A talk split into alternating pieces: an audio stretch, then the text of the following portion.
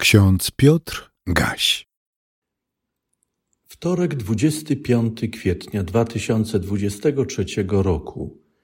W porządku czytań z Biblią na co dzień hasło starotestamentowe zostało zaczerpnięte z Psalmu 112, czwartego wersetu. Przypomnę, że jest to psalm pochwalający błogosławionego męża, który boi się Pana. I w czwartym wersecie czytamy: Światło Jego świeci prawym w ciemności, On jest łaskawy i miłosierny i sprawiedliwy.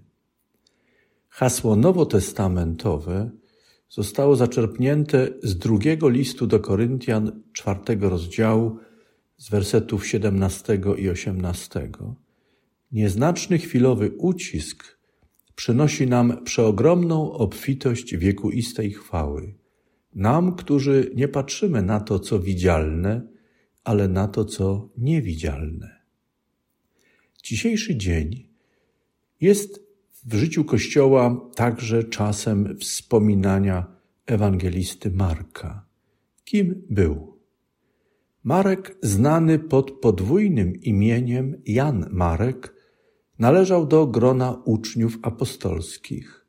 Jest tożsamy z autorem najstarszej spośród trzech Ewangelii synoptycznych, Ewangelii według Marka. Biskup papiarz z Hierapolis, żyjący w II wieku, twierdził, że Jan Marek był towarzyszem i tłumaczem apostoła Piotra i miał spisać jego nauczanie. Według Eusebiusza Marek głosił chrześcijaństwo w Aleksandrii i tam w 68 roku poniósł śmierć męczeńską. Kiedy sięgamy do dziejów apostolskich, w dwunastym rozdziale, dwunastym wersecie czytamy, że apostoł Piotr po cudownym uwolnieniu z więzienia udał się do domu matki Jana, którego nazywano Markiem. W dwudziestym piątym wersecie tego samego rozdziału czytamy, iż Barnaba i Saul zabrali Jana zwanego Markiem do Jerozolimy. Towarzyszył im w tak zwanej pierwszej podróży misyjnej. W dziejach apostolskich w trzynastym rozdziale, w wersecie trzynastym czytamy, iż Jan odłączył się od Pawła i jego towarzyszy, aby wrócić do Jerozolimy. To był powód, dla którego Paweł, apostoł, odmówił zabrania Jana Marka w kolejną podróż misyjną, co ostatecznie doprowadziło do rozdzielenia Pawła i Barnaby. Zaś Barnaba i Marek kontynuowali pracę misyjną na Cyprze. Czytamy o tym w dziejach apostolskich w rozdziale 15, 37 i następnych wersetach.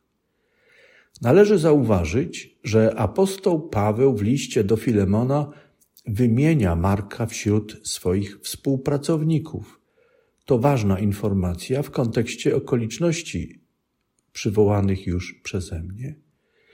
W liście do Kolosan Marek został wymieniony wśród pozdrawiających i wskazanych i wskazany został jako siostrzeniec Barnaby.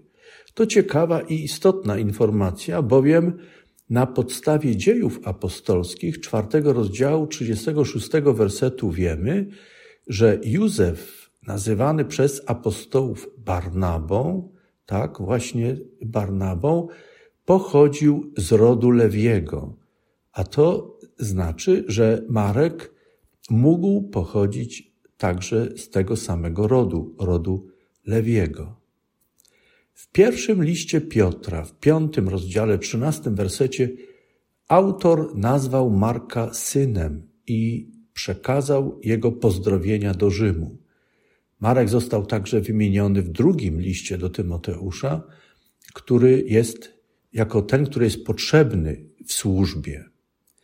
Przywołane teksty pozwalają nam wspominać Jana, zwanego Markiem, z wielką wdzięcznością i dziękczynną modlitwą za łaskę powołania, którą darował mu Bóg, aby mógł wykonywać posługę wśród apostołów.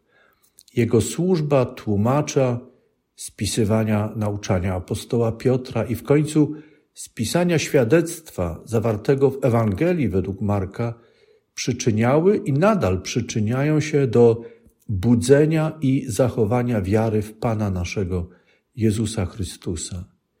Światło wiary, nadziei i miłości zapalone przez Boga w sercu Marka jaśniało i nadal jaśnieje w różnych trudnych chwilach w życiu wierzących, kiedy czytają świadectwo złożone na kartach Ewangelii według Marka.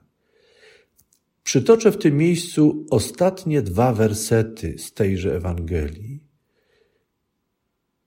Gdy im to powiedział, został wzięty do nieba i zasiadł po prawicy Boga.